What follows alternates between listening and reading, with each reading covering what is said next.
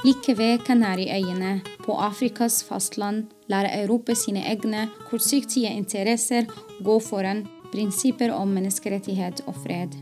Velkommen til Sandfast, vår podkast om Vest-Sahara, den siste kolonien på det afrikanske kontinent.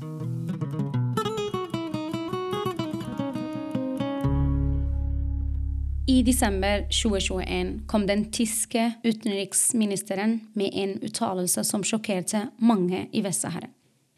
Til alle tider har Tyskland vært kritisk til den marokkanske okkupasjonen av Vest-Sahara. Hvorfor snudde plutselig Tyskland og viste støtte til Marokkos regjering? Med oss i dag har vi tyske Gunther Hillinges fra den tyske solidaritetsbevegelse. Han har selv fulgt konflikten i Vest-Sahara siden invasjonen fant sted. Gunther, welcome. Thank you. I'm so happy that you could join today. Just first question that I always have to my guest is how did you get involved in Western Sahara? Uh, I mean, you have been involved in this matter for a long time, even long before I was born in the Sahrawi refugee camps. I was since 1968 working for the NGO Terre des Hommes, that means World of Humanity. And we were uh, helping napalm wounded children during this Vietnam War. We brought them from the battlefield in Vietnam to uh, German hospitals, also to Bremen hospitals. And during this process, we learned about um, decolonization processes like it was in Vietnam. And when I heard in 1976 that the Moroccan army throw napalm on refugees from Western Sahara on their uh, way to Tindouf we immediately were shocked and said this brutal army against civil people who are simply wanting to become rid of the Spanish colonizers. We thought we should go to this place. Beginning of 77, I was in the camps, and all the people lived in tents it was a very, very horrible situation. And we decided from Terre des Hommes to bring this need and the injustice to German attention. Mm. So I came back and we made a press conference, and I was happy to see that people were interested. And so we organized in various cities in Germany working groups to help the Sahrawian people in their vilayas. And then the United Nations started to help. And the first decade of help, I was three, four times in the camps. Uh, myself, by profession, I am civil servant of the Bremen government. And I uh, was invited by the government to speak about my experiences in the camps and with this difficult decolonization process. And the media were interested, so mm. we tried to integrate also politicians in this problem. The German Bundestag, five years later, uh, organized a small mission of parliamentarians to Tindouf and to the Rabuni which is placed in the camps for people who don't yes, know. Yes. We tried to network in Germany with Medico International, with Aktion Solidarische Welt. And due to my profession in the Bremen government, I could also convince six state governments. In the 80s and in the 90s, we had meetings in my office with representatives from all four or five NGOs, from the Polisario representative, from Bonn before the unification, and from six German state governments. So it was quite a powerful structure, and we supported several projects in education, in medicine. So that was the beginning of this solidarity movement. And due to the fact that our government supported all these activities, uh, there was a link to other liberation movements in Africa, mm. such as SWAPO, that is mm. a liberation movement uh, from Namibia, mm. and ANC, Nelson Mandela's liberation movement from against apartheid in South Africa. Sometimes all the three presidents of these three movements, including Abdelaziz mm. from Polisario, were jointly in Bremen. They were received by our government officially. The flags of these three movements were on the town hall, and the media took interest, and we got a lot of donations for our work next to the money from the government and the parliament. And this is amazing, both the whole solidarity uh, movement and in Germany and what you have achieved. We should actually made, make another podcast episode just about that. From all this amazing and positive response, as you said, from different actors in media or in state, we see how Germany, in a way, uh, shifted direction.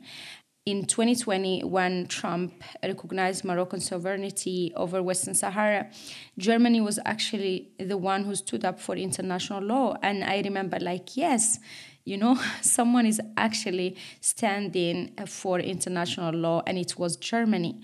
But what happened? Because all of a sudden, Germany totally shifted position. I have to correct a little bit because yes, what I please. told you about the Bremen initiative and the NGO initiatives and the states initiatives had nothing to do with the federal government. Ah, okay. Because that was a very conservative government, and we did not get any support from the German government mm. because they tried to continue their friendly position towards Morocco. And uh, they accepted that we were active, but they never ga- gave us financial support. And we were always trying to convince the federal authorities in Bonn, later in Berlin, that they should follow the international law. And we yeah. were happy that when Trump took this uh, wrong decision against the international law, uh, that the German ambassador, the Security Council, asked for a special session. Mm. And this has immediately interrupted the um, ambassadorship between Morocco and Germany. Mm. The uh, German ambassador uh, was kicked out of Rabat and then the vice versa from Berlin also. So this is called the ice time mm. between the two countries because Germany did not support the way Trump had undertaken. Is that first Trump recognized Western Sahara as a Moroccan, and then German, as I said, stood up for international law, and then Morocco reacted aggressive as they do often by just um, stopping all the relationship. It's a way of putting pressure on Germany. And so what happened now in January is that Germany gave up to the pressure, right? Yeah, we have uh, our NGO in Germany now for the Western Sahara, uh, Freedom for the Last Colony in Africa. We have protested against decision from the foreign ministry mm. saying that Morocco's autonomy plan were a good basis for a future solution. And there was nothing said about self determination and nothing said about human rights. That was a reason why our NGO protested towards the German president, the German foreign ministry, and the German chancellor. And we got now invitations for discussions about our position because they say it was not a change of policy. We support the UN way to uh, stand for a referendum so that the Sahrawian people have the right of self determination. We have protested in Berlin against leaving out this element of self determination. We got an invitation for talks, and there it was said this proposal from the king is only a document to talk about. It is not a change of German policy. We fully support the UN and the new special envoy.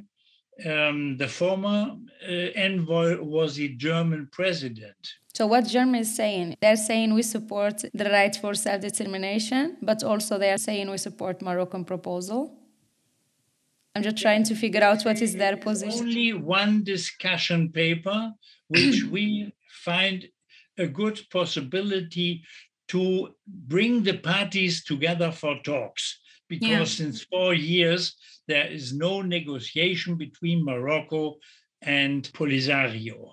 Mm. And Polisario rightly says negotiations have to be open, and in the center is the right of self determination and not mm. a proposal from one side for autonomy, because Morocco has said we don't accept a referendum, we don't accept self determination. Mm. So that is why the German position is clear. We follow the international law and we don't follow the Trump decision. Mm.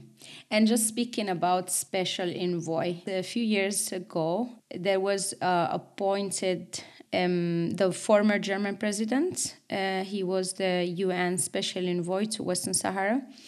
Um, and I remember myself that many people thought that that was something positive. Uh, what was the expectation and the hope uh, you had as consequences of that? like having him uh, we as a... very happy that he was appointed with the acceptance from both sides, Morocco mm. as well as Polisario. We got an invitation from him. I was present in a long debate because he was very interested mm. to learn about the different positions, in particular, the uh, global network of NGOs in favor of self-determination. And Mr. Köhler unfortunately resigned before the third round of discussions took place due to health reasons. And now then, long time without a special envoy, no talks between the parties. And now the former ambassador for the peace in Syria, de Mistura, was appointed. He knows hard jobs, and we all hope that he is able to bring the parties at one table together to talk on the basis of international law. So, in the notes, I mean, that I read, I found published in, in some media, it says in the note that it was sent by the German president that he praised the Moroccan dynamic development and how it became a destination to the German investment in Africa. Is there a chance that the Germans want access to Morocco's renewable energy project in the occupied territories? I think uh, Morocco is number one country in North Africa regarding renewable energies. And many companies from Germany, like Siemens, are already involved in windmill and solar projects. And there was even a Desertec initiative of all North African countries to use the solar electricity in this hot uh, Sahara area and to feed North Africa with electricity by photovoltaic and to send it also to Europe. This is an old plan minimum 10 years old. It has nothing to do with Western Sahara. It's the opposite. We have always criticized in public when one of the companies tried to organize uh, windmills like Siemens in the occupied territories. The, uh, we could convince the German government not to give any money for this, no guarantees by international investments. The companies need guarantees from governments, otherwise, they would not do it, in particular in tense areas. So Siemens does it on its own, and the most windmills are in Morocco itself. Um, the German president invited in January, I think, the king of hmm. Morocco mm. For a visit to Germany. Yeah, and they are saying that German and Morocco will resume the relationship. Yeah. Yeah, and that was a step towards Morocco that uh, this initiative of autonomy provides a good platform for a future. We immediately protested because also Polisario had given in this 2007 some ideas for the future. They were not mentioned. So, and that has led to protest letters to the German president to the foreign minister. She is now a, from the Green Party.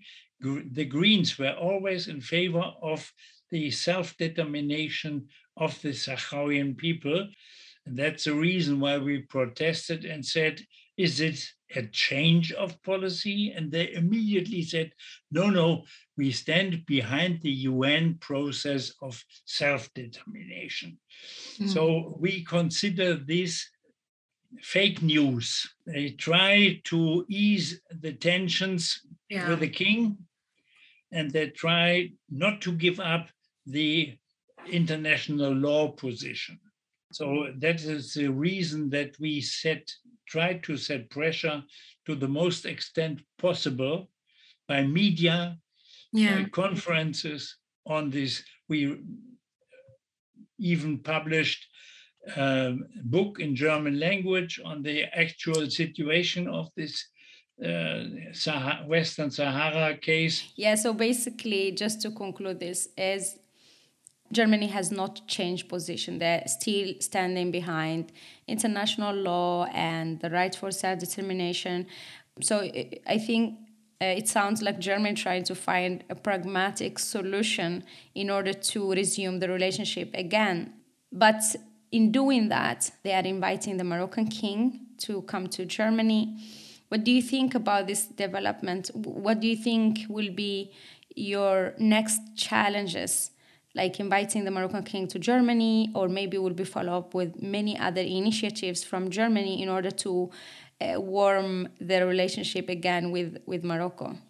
The German president has answered to our protest letter and has invited us for a talk, and that will take place in the next few weeks.